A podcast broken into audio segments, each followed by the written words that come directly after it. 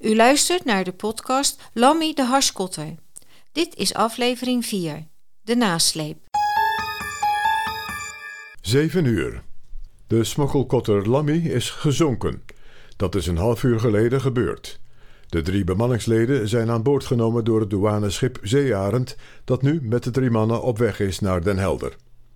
De Lammy is buiten de territoriale wateren gezonken. De zee is daar 30 tot 40 meter diep. Rick, eerder vertelden we natuurlijk al dat uh, er op de zeearend wat twijfel was of ze wel door moesten gaan met achter de Lammy aan te varen, want ze waren toch wel erg ver uit de kust. Maar uiteindelijk heeft dat wel geleid tot succes en heeft de kapitein wel gelijk gekregen, want die drie kerels die waren aan boord van de zeearend. Ja, uh, overigens, die drie gasten die opgepikt werden door de zeearend, die hebben wel drie kwartier lang rondgedobberd in een rubberbootje. Uh, ja, en met dat ruige weer was dat toch wel heftig. Uh, Bert Voorthuizen, verslaggever, was ooggetuige van deze gebeurtenis. Wat ze precies voor ogen hadden omdat ze uh, er naartoe terug wilden, dat weet ik niet. Maar ze zaten op een gegeven moment in die rubberboot. Toen was de Lammy inderdaad, begon te zinken. Uh, eerst dat uh, de nog het achterschip ging eens omlaag. Toen gingen ze terug alsof ze wat vergeten waren. Dat weet ik niet. Ik weet alleen inderdaad dat de helikopter, want er waren twee helikopters, één waarin wij zaten en de andere zat nog een, een aantal marinemensen zaten daarin. Die is om inderdaad iets omlaag gegaan. En of daar de, de, opzet was om die boot terug te krijgen, dat weet ik niet. Wij dachten zelf nog dat er misschien een, marineman uit zou gaan om naar beneden te gaan om die mensen aan te houden of zo, maar dat gebeurde niet op een gegeven moment werd hij inderdaad, was dit, begon dit te zuigen waarschijnlijk. Want als een schip zinkt, dan zuigt dat met dat water. Dus toen moesten ze met die rubberbootje dus heel snel vandaan. Anders zouden ze inderdaad meegezogen worden. Maar dat is goed gegaan. Maar waarom ze teruggingen, wat daar het plan van hun was. Wij dachten vanuit de helikopter waarin wij zaten dat er misschien nog iets van boord gehaald moest worden. Dat weet ik niet. 8 uur. Het smokkelschip Lammy is gezonken. Volgens de commandant van het marinevergat Wolf heeft de bemanning van de kotter het schip zelf tot zinken gebracht. De zee is ter plaatse 30 tot 40 meter diep. De drie bemanningsleden zijn aan boord genomen van het douanevaartuig Zeearend, waarop een officier van de Rijkspolitie meevaart. De politie gelooft dat met de Lammy 8000 kilo hash naar de zeebodem is verdwenen. Zo, en daar hoorden we dus dat de drie opvarende, de smokkelaars, uh, opgepakt zijn en uh, gearresteerd. En ze zitten nu op de zeearend. Ja, ja, ja. En uh, dan moet je even bedenken, Rick. Dat, dat is wel een circus daar op de zee geweest. Hè? Want we hebben dus één kotter van, nou, pak een beetje 25, 30 meter. Veel meer zal niet zijn. Daar zit een marinefregat achteraan. Er is een uh, torpedojager onderweg. Er hangen twee helikopters in de lucht. En er is nog een douaneboot om, uh, die eromheen uh, cirkelt. Ja, dit, het is echt een, een heel gebeuren daar geweest. Ja, ja als, hij, als hij die fregat Wolf, die zat gewoon met 70 man. Die torpedojager, ja. 300 ja, man. En, en, dan die, de zeejaren douaneboot ook een man of tien. Ja. ja. En dan hebben ze uiteindelijk drie kerels te pakken en de boot is gezonken. ja, dat is mooi. Ja, Helemaal, helemaal geweldig. Ja. Nou goed, uh, en ze waren het er ook niet helemaal over eens uh, wie wat gedaan had. Want uh, aan boord van de Zeearend was er nog een aardige discussie tussen de heren Starrenburg en kapitein Pompet. Toen zei mijn vader, ja, Pomperman, hoe krijg je dat nou in je hoofd halen? De, ja, deze gekke... Die. Hij zegt, godverdomme, de marine die heeft mijn schiplek geschoten. Nou, en, op de, en dat ding dat was toen 50, 60 mijl uit de kust. En uh, de diepte was 30 tot 40 meter. En dat ding is uh, gezonken. En toen moesten ze later bewijzen van... Uh, ja, heeft de marine dat schip lek geschoten of niet? En wat zit er in dat schip? Dus er zat helemaal nog geen bewijs toen ze die lui gearresteerd hebben. En het, was, uh, het waren geen zware criminelen van nu met Kalasnikovs. Ze werden gewoon prettig ontvangen en afgegeven. En ze kregen uh, maaltijden, weet je wel. Niet dat ze als schurken behandeld werden. Dus dat weet ik van het verhaal. Pompert en Starrenburg die hadden dus een behoorlijke discussie over hoe de Lammy nou naar de bodem was gegaan. maar waarom hebben ze het natuurlijk niet over gehad. Maar Yveske Nijland, onderzoeksjournalist, die geeft haar visie daarover. Nou ja, ik moet ook wel zeggen dat als je dat zo leest over ook hoe ze op een gegeven moment besloten hebben om, dat, om die kotter te laten zinken, dat is natuurlijk ook nog wel een, eh, een spannende exercitie geweest. Want ze moesten, ja, ze wisten gewoon, als we dat niet doen, dan zijn we alles kwijt. Maar ja, die lading kwam natuurlijk ook op de zeebodem terecht. Uh, dat was natuurlijk ook spannend.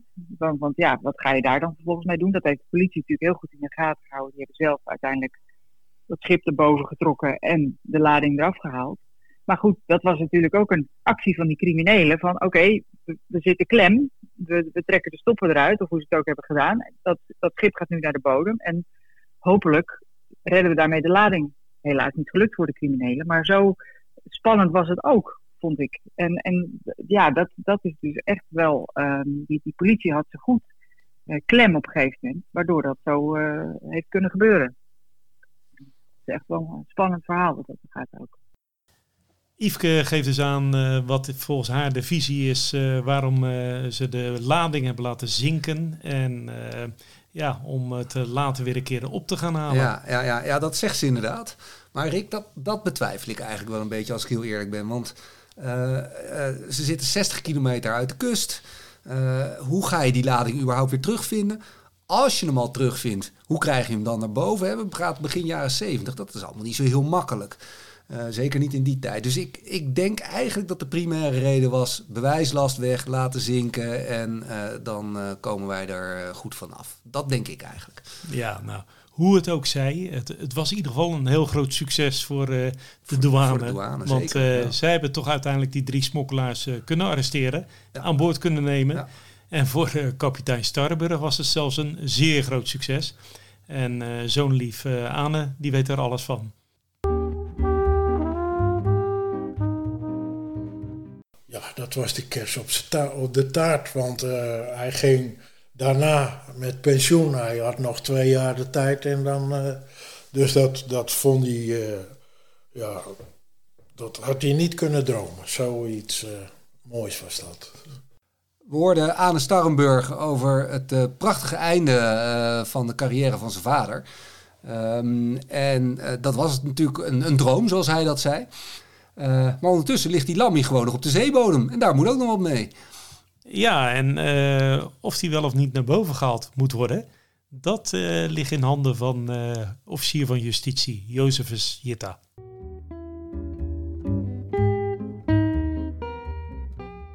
Ja, Josephus Jitta die vertelde ook dat hij de beslissing moest maken om de, de van de zeebodem nou ja, te laten ophijzen. Om, omdat men nou eenmaal bang was dat die lading, en dat was natuurlijk een flinke lading voor die tijd, uh, dat die gestolen zou worden of dat er uh, mensen daarnaar zouden gaan duiken. En dat was een, daar zat nog wel een prijskaartje aan, maar dat heeft hij toch maar, toch maar wel laten doen. De officier van justitie neemt dus de beslissing om, het, om de Lammy te laten bergen. Uh, en uh, Joost van der Wegen die zegt dat daar hangt nog een prijskaartje aan. Volgens mij heb jij uitgevonden wat dat prijskaartje was. Ja, zeker. En uh, dat prijskaartje is rond de 200.000, 300.000 guldens nog in die tijd. Ja, toch een dus, fors bedragje van ons belastinggeld, hè? Absoluut, een fors bedrag. Maar, maar goed, ze hebben besloten om hem dus naar boven te, te halen. En dat werd in handen gelegd van het bekende bedrijf Smittak. Uh, de duiker Hans Zoon was betrokken bij deze actie en uh, die vertrok vanuit Scheveningen met het bergingsschip De Bever richting uh, de Lammy.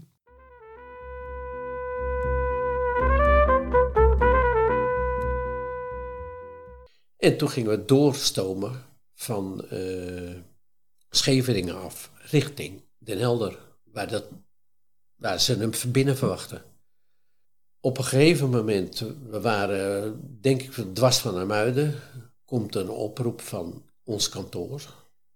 En die melden van jongens, let op, want er zit cacao aan boord. Oh, nou dat gesprek dat uh, werd afgehandeld en uh, de horing van de marifoon ging weer op de haak. En onze schipper die dat van het kantoor had te horen gekregen, zei jongens, let op. Oh, er komt even een visserman tussendoor. Eh, we weten toch wel dat het hars is. En toen mocht onze schipper verder uitpraten. Jongens, let op, er ligt springstof aan boord. Dus wij allemaal lachen. En eh, die schipper van die kotter, die van die visserman, die kreeg dat natuurlijk niet te horen. Maar die dacht dat wij bedoelden has in plaats van cacao. Nee, dat was onze bijnaam voor springstof. Ja, en we hoorden Hans Zoon, duiker van Smit-Tak, eh, vertellen over de codenaam cacao die zij gebruikte voor het woord eh, springstof. Um, maar de reis ging voort, want men was natuurlijk onderweg naar de Lammy.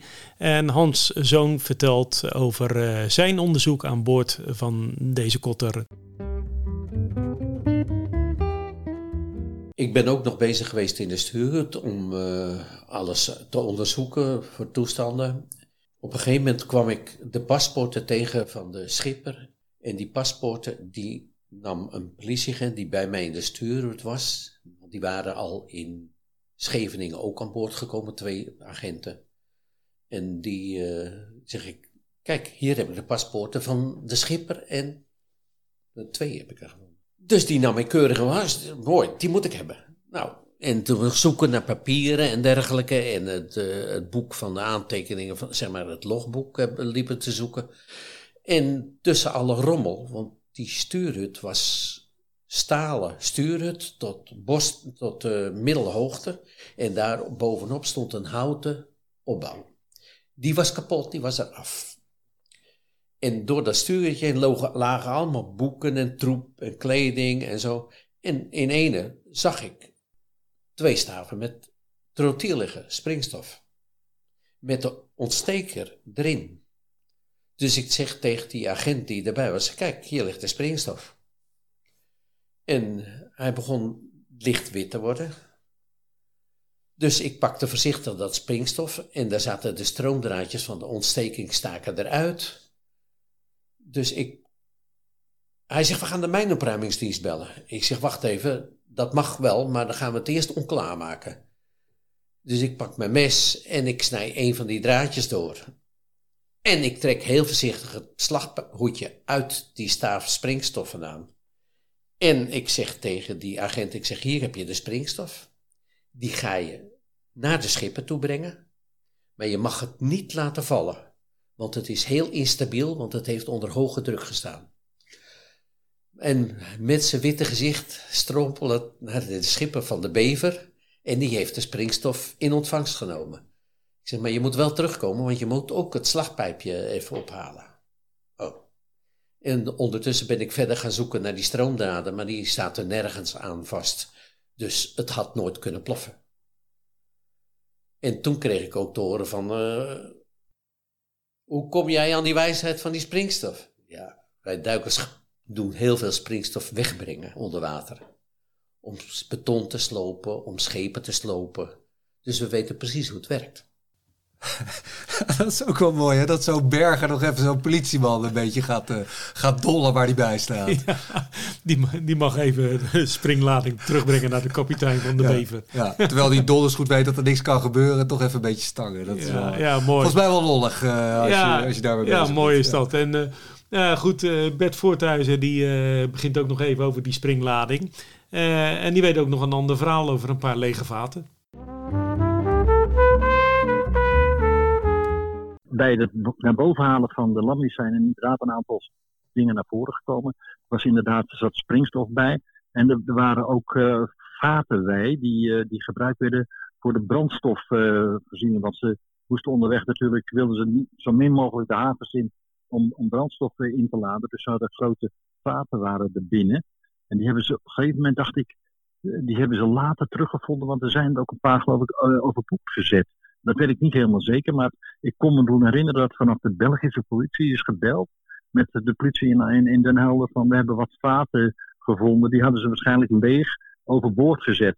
Maar er, waren, er was springstof gevonden, want er was angst ook misschien nog dat de, dat ze de eerder ze ontdekt zouden worden. En dan hadden ze waarschijnlijk het idee om dat ding op te blazen. Ik weet niet. Maar er was inderdaad springstof gevonden.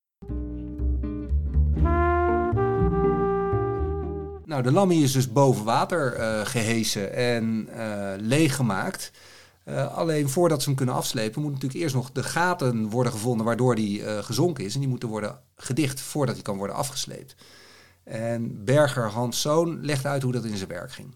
En toen werd hij boven het water getekt. Nou, toen moesten we pompen erin en leegpompen. En eh, we waren overal aan het zoeken en uh, alle compartimenten moesten leeg, want die waren vol met water. En ik deed uh, de machinekamer. Toen zag ik daar water opspuiten. Toen heb ik doorgemeld van, jongens, je kan hem laten zakken, want ik heb het gat gevonden.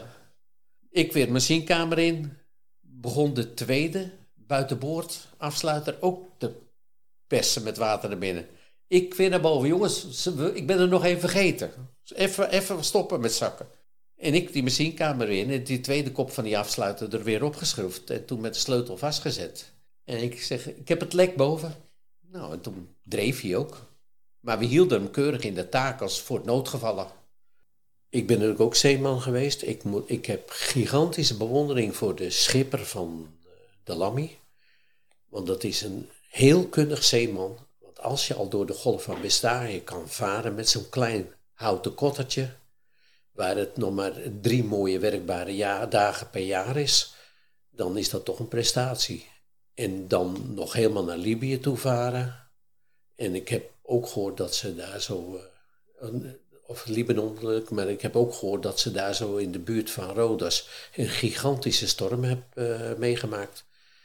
En dat, die, dat iedereen vol bewondering naar de schipper heeft staan kijken hoe hij dat schip uiteindelijk heeft kunnen naar binnen manoeuvreren in de haven. Doris Pompert is dus echt een hele goede schipper. Ook Hans Zoon die bevestigt het weer. En uh, ja, er zijn, we hebben diverse mensen gesproken. En eigenlijk zeggen ze allemaal hetzelfde over hem. Dat het echt een goede schipper was. Ja, ieder, ieder voor zich. Allemaal afzonderlijk ja. uh, gaven ze aan van dat het een uitstekend kapitein was. Dus uh, ja, dat, dat zal ongetwijfeld ook zo geweest ja, zijn dan. Zeker. Um, maar een van de andere opvarenden, in dit geval Henk Eulink die kwam vele jaren later. Ja, en dan hebben we het echt over tientallen jaren. Tientallen hè? jaren later, ergens rond 2014, kwam die nog een keer aan boord van de Lammy. En uh, de huidige eigenaar Peter Booms, die mocht hem toen ontvangen. En ook kennis meegemaakt. En uh, ja, dat was wel direct een, was gewoon een hele leuke man. En toen een paar weken later, toen belde die, hij zei, Peter, ik zit in Rotterdam met een vriend van mij, komt het gelegen als ik even de lammy laat zien. En ik was op dat moment juist aan boord en toen, ah natuurlijk joh. Dus die kwam met een vriend van en, uh, nou, Peter Booms. En, nou. dus we zaten op het achterdek uh, aan de koffie en ja, die Euling, die zat er ook helemaal alsof het zijn boot was. Het was zo leuk om te zien, weet je wel. Die, die vond het zo leuk om weer aan boord te zijn. En ehm, dus het was een heel leuk gesprek en... Toen zei ik tegen dat, toen het over dat smokkelen ging. Ik zeg tegen de Eulingers, joh, heb je dat nou maar één keer gedaan, joh? En toen, zei hij, toen wees hij op die vriend van hem. Dat was overigens de regisseur die hem uh, gearresteerd had, hè, toen de tijd. Toen wees hij op die vriend van hem. En toen, het, uh, toen ik gevraagd had, heb je het nou maar één keer gedaan? Toen zei hij, hij denkt van wel. dat was zo leuk. Toen werd hij ineens weer regisseur, want hij kreeg de ziekte in. Hij kreeg de pest in, weet je wel. Nou, het was echt zo gaaf, joh. We hebben zo gelachen. Nou, die regisseur die de vriend inmiddels geworden was van uh, Eulink... die heeft in Scandinavië een vakantiehuisje aan de meer. Daar heeft hij een bootje bij, een visbootje. En het visbootje heet Lammy. dat is toch niet te geloven? dat is geweldig. Ja, dit, dit verhaal bedenk je natuurlijk ook weer niet. Hè? Dat de regisseur die, uh, die die Eulik heeft opgepakt... Ja, dat dan later vrienden worden en dan weer teruggaan samen naar de Lammy. Ja, nou, niet, dat zou deze tijd niet meer kunnen. Nee, nee. En als dit nou de enige regisseur zou zijn die, uh, die een verhaal heeft rondom de Lammy... dan zou je nog zeggen meer, Allah. Maar ja. er zijn er meer. Zo heeft uh, Anne-Marieke Verschaik, uh, de conservator van het Belasting- en Douanemuseum... een mooi verhaal over een andere regisseur. Maar die rechercheur die heeft toen één stuk hars ontvreemd. Um, en als souvenir altijd bewaard. En zijn uh, uh, erfgenamen, die zaten ermee in hun maag. Want ja, het was natuurlijk illegaal dat hij dat had uh, meegenomen. Um, dus die hebben toen in alle anonimiteit contact gezocht met um, ja, een, een, soort bemiddelaar. En uh, die heeft dan weer contact opgenomen met um, het Rijksmuseum. Of het Rijksmuseum misschien de, ja, dat zou willen hebben als onderdeel van de vaderlandse geschiedenis. Uh, het Rijksmuseum uh, wilde dat niet. Toen hebben ze uh, Amsterdam Museum benaderd. En het Amsterdam Museum wilde het wel in ontvangst nemen. dus toen zijn daar onderhandelingen gevoerd. Um, maar de conservator bij het Amsterdam Museum die wist dat wij bezig waren met de herinrichting van, uh, dus van het Belasting- en Douanemuseum in uh, Rotterdam. En zij heeft mij gebeld en gevraagd of wij uh, een stuk hars van de Lammy zouden willen gebruiken voor de presentatie. nou, ik wilde dat heel graag, dus ik zei meteen ja. En toen um, ja, ging die familie eigenlijk een beetje tegensputteren, want ze vonden dat het naar een Amsterdams museum moest. Omdat die rechercheur ook altijd eigenlijk ja, uh, in de Amsterdamse uh, buurten dus onderzoek had gedaan en echt naar die, die Amsterdamse onderwereld. En dat ze dachten dat het dus in zijn nagedachtenis was als het geschonken kon worden aan een Amsterdams museum. Dus toen uh, is de schenking officieel aan het Amsterdams Museum gedaan. En zij hebben het aan ons in bruikleen gegeven. Ik vind het, ik vind het heel leuk dat ik het stuk hars, uh, dat ik het zelf eigenlijk aangeboden kreeg. En uh, ik ben het gaan halen in Amsterdam. En toen moest ik nog even langs een, een bureau dat voor ons uh, ja, allerlei dingen heeft gedaan en ook filmpjes heeft gemaakt. Dus toen konden zij ook meteen geïnspireerd raken door, door dat stuk hars. Ze wilden ook allemaal aan ruiken. Ik dacht ook dat iemand er een likje van zou gaan nemen. Zo zag het er daaruit. Dus ik heb echt enorm uh, gelachen. Ja, dus, dus ik heb zelf ook plezier gehad om het, uh, om het te gaan ophalen. En ook het hele schimmige gedoe. Want ja, bij de overdracht was die die zaakwaarnemer was er dan bij, maar die familie die wilde allemaal anoniem blijven. En, ja, dus dat het toch nog een beetje, um, ja, dat ze zich ervoor schaamden. Dat hun, het was natuurlijk al lang verjaard, dus ze hadden, maar ja, of misschien wilden ze het niet voor de nagedachtenis van hun grootvader of, ja, geen idee, maar het was, het was heel spannend allemaal. ja, de plakken hars vliegen om je oren. ja, het is ook wel bijzonder hè, dat er nog een regisseur denkt van... ik ga nog eventjes een plakje hars voor, uh, voor het nageslag bewaren. Ja, en dan uh, tientallen jaren later ligt het in, uh, in een museum. Niet helemaal het museum geloof ik wat ze wilden. nee, maar, nee, maar goed, dat maakt niet uit. Rotterdam of Amsterdam, het ligt er. Ja. En dat is, dat is een, een mooi verhaal. Ja, en over mooie verhalen gesproken trouwens. Uh, in die tijd was, uh, was de pers toch op een andere manier bezig ja. eigenlijk uh, dan nu. Ja, en um, ja, onderzoeksjournalistiek werd nog niet echt aangedaan. Hè? Het, het beperkt zich echt tot een feitenrelaas. Ik heb telefonisch dingen doorgegeven. Vanuit toen we weer terug waren op de vierkante kooi, mocht ik gebruik maken van de telefoon van de, van de marine. En ik weet dat er vanuit de, het ANP een, een, lijntje was met het politiebureau in Den Helder. En daar werd dus mede omdat de, die zaak dus toen niet in de, in de publiciteit gebracht hebben, uh, werden we daardoor uh, beloond met het feit dat we een directe lijn mochten hebben van het ANP met de politie in Den Helder, het, het hoofdkwartier daar.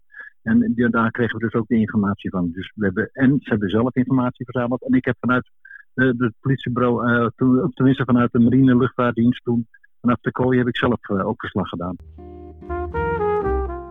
Wim van Geffen was dus de man die, ja, eigenlijk voordat ik dit werk ging doen, was Wim, Wim van Geffen de man die de dagelijkse verslaggeving deed over misdaad in Nederland. Dus dat waren misdaad verslagen. Dus als er wat gebeurde, dan kwam Wim van Geffen erbij en die schreef uh, over een moord en En, en in dit geval dus over een smokkel van, uh, van. Ehm, maar ik ben er later mee begonnen om die misdaad erin te graven en de achtergronden daarvan te, te beschrijven. Dus een misdaadonderzoek, onderzoeksjournalistiek. Wederom een mooie omschrijving van de journalistiek in de jaren zeventig. En uh, ja, het verhaal van de Lammy is eigenlijk gewoon een heel mooi, of geeft een heel mooi tijdsbeeld van de jaren 70. Ja, Elmar, inderdaad een mooi tijdsbeeld van de jaren 70 en de daarbij betrokken Lammy. Maar uh, ja, de, de Lammy ging wel door. En uh, Peter Booms, de huidige eigenaar van, van de Lammy, die weet nog twee mooie anekdotes te vertellen waarbij de Lammy in beeld kwam. Uh, de eerste keer voerde Lammy uit onder de naam Marit. dat zullen we zo horen. En later komt de boot nogmaals in beeld. En ja, het kan niet anders natuurlijk dat in beide gevallen de harssmokkel weer de overhand nam. Ik werd op een gegeven moment benaderd door een, volgens mij ook een oude politieman, die, uh, die, die, schreef mis, die schreef detectieve verhaaltjes. Die is toen ook aan boord geweest. En die zat te vertellen dat hij had, hij, dat, hij was toen in die, hij was toen, hij had dienst bij de, de havenpolitie. En die, dat was winters en het was slecht weer geweest. En er voer een scheepje in de Rotterdamse haven, die kwam van zee. En die had ijsvlaggen. En wat zijn ijsvlaggen? Doordat zo'n schip op zee, als het ruig is, uh, steeds dat spray, dat de boegwater uh, verspreidt. en dat gaat dan als nevel op de stagen zitten. En doordat dat zo hard waait, krijg je ijspegels, maar die zijn horizontaal. Dus het is heel bijzonder om te zien dat je. Eh, ja, er, was, er zaten allemaal van die ijs, horizontale ijspegels aan die, aan die verschansing. Dus die douaneboot en de politieboot, die, die voeren er eigenlijk een paar keer zo omheen. Omdat dat zo'n mooi gezicht was. Maar toen gingen die gasten aan boord, die gingen zo schichtachtig doen, schrikachtig doen. Toen dacht, toen dacht de douane, nou, er is wat aan de hand, joh. Dus die sommeerden hem aan te gaan leggen. Die hebben aan de parkade, hebben die toen aangelegd. En toen bleek dat er ook weer hars aan boord zat. Weet je wel, echt bizar verhaal er weer. honden bij. Nee, nee, dat hoefde niet. Maar dat was ook weer zo leuk, want ook die kerels van die, die ik toen sprak, dat was ook weer een regisseur die bij de aanhouding was. En hij zei, ja, hij zegt, stonden we hier, godverdorie, hadden we die gasten net aangehouden. Hij zegt, het waren criminelen. Hij zegt, uh, toen zegt een van die gasten, hij zegt, ik zal wel even koffie zetten. Weet je wel, dus die, een van die criminelen ging beneden koffie zetten voor me z'n allen. En... Um, ja, toen was het etenstijd. Toen had hij zijn krentenbol met kaas had hij gedeeld met een van die criminelen. Ja, op een gegeven moment kwam ik uh, op de, op de Lammy de veerhaven. En uh, toen liep ik over de steiger en toen stond er bij de loopplank een vrij forse kerel. Uh, en die stond duidelijk op, op iemand te wachten die aan boord van de Lammy zou gaan. Dus liep ze op de loopbaan en zegt, uh, van nu? Ze nou, misschien. Weet je wel, een beer van de rozen. En uh, hij klonk nogal... Uh, dus toen raakten we toch in gesprek. En toen bleek dat... Want hij herkende de, de. Waar, waarvan hij zei dat hij ooit eigenaar geweest was van dat schip. Waarmee hij vanuit Southampton op en neer naar Bilbao gevaren was... om een harstransport te doen. Dus dat ding, dat, nou, dat is gewoon gemaakt voor harstransporten. Niet, voor, niet om te vissen, maar voor de harstransport is die gemaakt. Weet je wel? Dat is toch niet te geloven, joh. Dat is echt leuk, hoor. Dit was aflevering 4 van de podcast Lammy de Harskotter. Met plezier geluisterd naar deze aflevering, dan is het fijn als u een positieve beoordeling wil geven.